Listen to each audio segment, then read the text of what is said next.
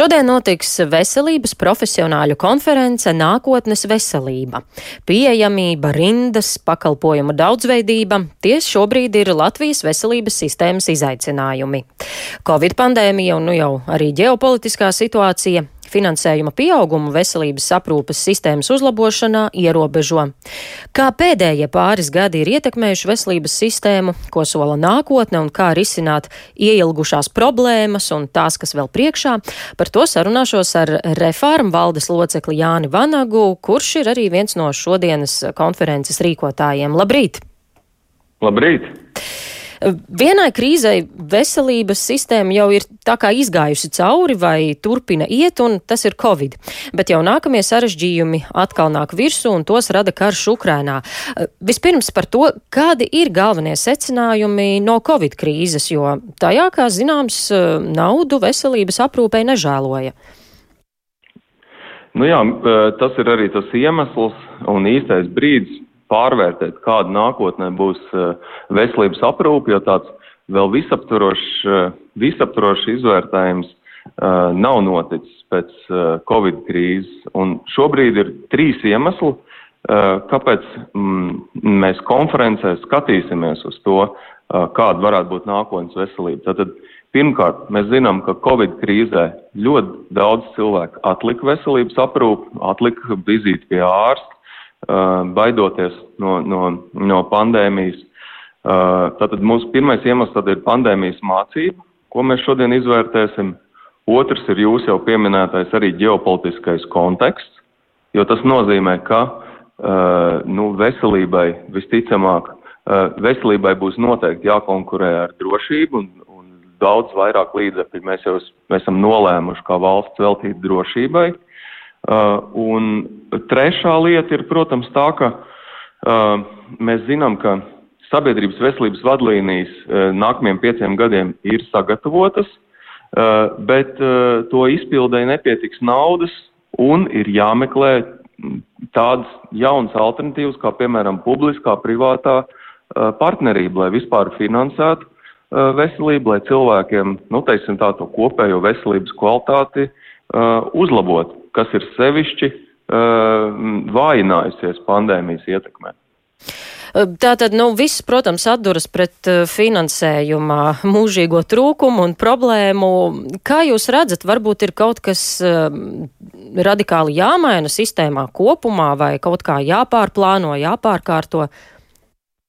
Nu, neapšaubām, jo tā sistēma mēs esam redzējuši, ka pēdējos, pēdējos var teikt, 30 gadus uh, ir bijusi pirmkārt nepietiekami finansēta, un otrkārt ir jāstāsta, vai viņa bijusi. Šodien mēs arī, nu, teiksim tā, ar vienas dienas konferenci to mēs neaptversim, bet mēs iezīmēsim, kā var to veselības aprūpu finansēt gudrāk. Un, un sevišķi jau ņemot vērā to, ka mēs nu, negaidām vairs lielu uh, finansējumu pieaugumu, tādu uzrāvienu, kā tas bijis uh, Covid laikā.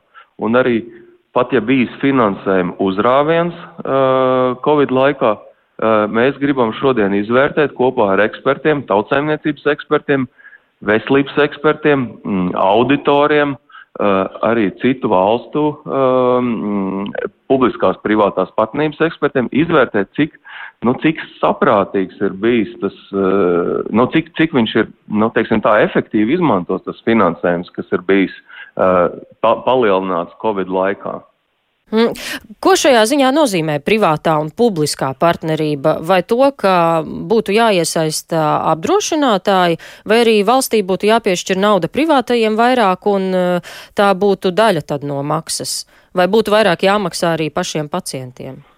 Nē, tas privātā publiskā partnerība, viņai var būt vairākas formas, bet uh, tas, tā privātā publiskā partnerība galvenokārt nozīmē to, ka uh, um, lietas, uh, kuras, uh, kuras dara, teiksim tā, privāti uzņēmēji, uh, kuras viņi ir iemācījušies darīt labāk, efektīvāk, uh, kvalitatīvāk, uh, lai tās valsts varētu uzticēt arī privātajiem, privātajiem uzņēmējiem veikt Kā jau mēs redzam, patiesībā liela daļa no veselības aprūpas pakalpojumiem jau šobrīd sniedz privāti uzņēmēji, un, un, um, un, un tas ir tāds resurss, kuru vajag izmantot, var izmantot, bet ir jānosaka, nu, jāparedz likumā skaidra kārtība, kā to darīt.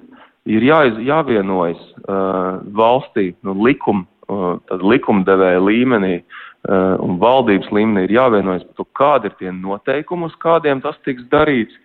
Un, un kādas ir arī ne tikai pozitīvās puses, bet arī ēnas puses, jo tā ir arī šodien viena tēma, ko mēs diskutēsim konferencē, uh, lai lai mēs varētu kā sabiedrība pieņemt nu, tādu saprātīgu, informētu lēmumu. Mēs zinām, ka ir no privātās un valsts sadarbības ir ne tikai, ne tikai mm, nu, teiksim, tā pozitīvās, bet arī negatīvās puses, un kā ar tām, kā to apiet, kā, kā to cīnīties, lai, lai, lai uh, dienas beigās um, nu, labums būtu cilvēkam, pacientam. Jā, nu, Covid laikā jau bija tā, ka to lielāko slogu izvilka tomēr uh, valsts uh, medicīna, nu, valsts slimnīcas un privātie uzņēmēji jau tā um, ar pilnu jaudu tomēr nesteidzās palīdzēt. Uh, valstī, ka, kas tagad būtu jādara, neskatoties uz to, ka nekāda partnerība Covid laikā īsti neizveidojās? Mhm. Es eh, pirmkārt gribu oponēt, jo teiksim, teikšu tā, ka uh, Covid laikā, piemēram, mūsu pašu kaut vai manis pārstāvētie uzņēmumi, reformu pārstāvētie uzņēmumi, teiksim, veselības centra apvienība, centrāla laboratorija, aptieks, vakcinēja gandrīz katru ceturto pacientu un arī veids apmēram trešdaļu no visiem testiem. Tā kā tā sadarbība un arī pat pildīt tās funkcijas, ko valsts uzticēja jau pirmajā dienā. Eh, un ļoti daudzi privātie uzņēmēji bija tieši tie, kas eh, kopumā eh, sadarbojās ar valsti, lai varētu visi kopā atrisināt to krīzi. Bet, bet to tas, jau arī bet, valsts piešķīra finansējumu, lai to varētu bet, darīt. Protams, nu, bet, protams, absolūti, un, un tur it sevišķi, bet, protams, tā ir viena sistēma, tā ir viens, tā kā tas darbojas kā viens vesels, kur viens bez otra nevar iztikt, valsts bez privātā. Bet uh, šeit ir skaidrs, kas ir, kas ir svarīgi. Šodien iesākt diskusiju par to, uh, kā to darīt nevis steigā un, teiksim tā, krīzē attīstoties, ātri nu, meklēt, ste, nu, teiksim tā, sasteigtu risinājumu, bet tieši izvērtēt, kā mēs strādāsim tālāk uz nākamajiem gadiem. Un sevišķi ņemot vērā, ka uh, nāk nākamā krīze, uh, ģeopolitiski izraisītā krīze, kur mēs esam uh, solidarizējušies ar, ar Ukraiņiem, kur mēs esam uh, teikuši, ka mēs nodrošināsim arī visus tos pašus veselības aprūpas pakalpojumus, kas ir Latvijas iedzīvotājiem, un arī tā ir lieta, kam ir jāgatavojas uh, uz priekšu, ņemot vērā tās mācības, kas bija Covid krīzē, un arī jāgatavojas tiem nākamajiem pieciem, septiņiem gadiem. Nu, tie nākamie gadi arī finansējuma ziņā neko vairāk, protams, nesaval. Jūs arī pats jau minējāt, ka naudas eh, veselības sistēmā paliks arvien mazāk. Vai jūs arī iepriekš jau nosauktie centieni nebūs tāds kā mēģinājums pieturēt jau esošo naudu? Es domāju, ka jābūt eh, realistiem. Eh, arī pat jau pat, pat ja mēs skatāmies pat uz esošo naudu, uh, arī, tā, arī to var izmantot efektīvāk. Un tieši tas ir tas mērķis, ko mēs arī gribam, kur mēs gribam dot savu pienesumu, kā teiksim, privātais sektors, uh, arī paskatoties labus piemērus no visas pasaules, piemēram, no Portugāles, no apvienotās karalists, un pateikt, jā, mēs tērējam vairāk naudas, bet vai tiešām mēs, nu, kur mēs to naudu varējām iztērēt vēl gudrāk, lai ieguvums atkal būtu pacientam. Tā kā uh, pat, uh, pat samazināta un, vai netik strauji pieaugoša finansējuma apstākļos arī to piešķirtos līdzekļus vienmēr var izmantot gudrāk, un tas ir tas, ko mēs gribam šodien skatīties. Pirms ir sākušās, teiksim, priekšvēlēšana solījumi, priekšvēlēšana diskusijas pilnā sparā.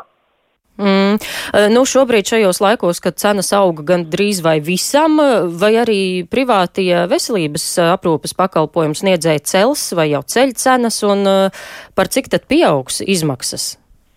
Šobrīd, protams, tas ir vēl pāragri spriest, jo nu, arī privātajā sektorā mums, mums ir līdzīgs izaicinājums. Arī mums, tāpat kā visos, arī valsts sektorā, arī citos sektoros mums nav tā kristāla bumba, kur mēs redzam to, nu, kur mēs redzētu visus tos mak makroefektus. Bet jārēķinās, ka cenas augs?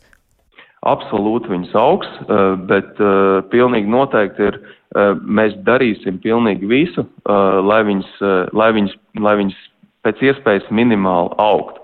Un ja viņas, ja cenas augs, tad svarīgi ir arī, lai kvalitāte aug līdz ar cenām.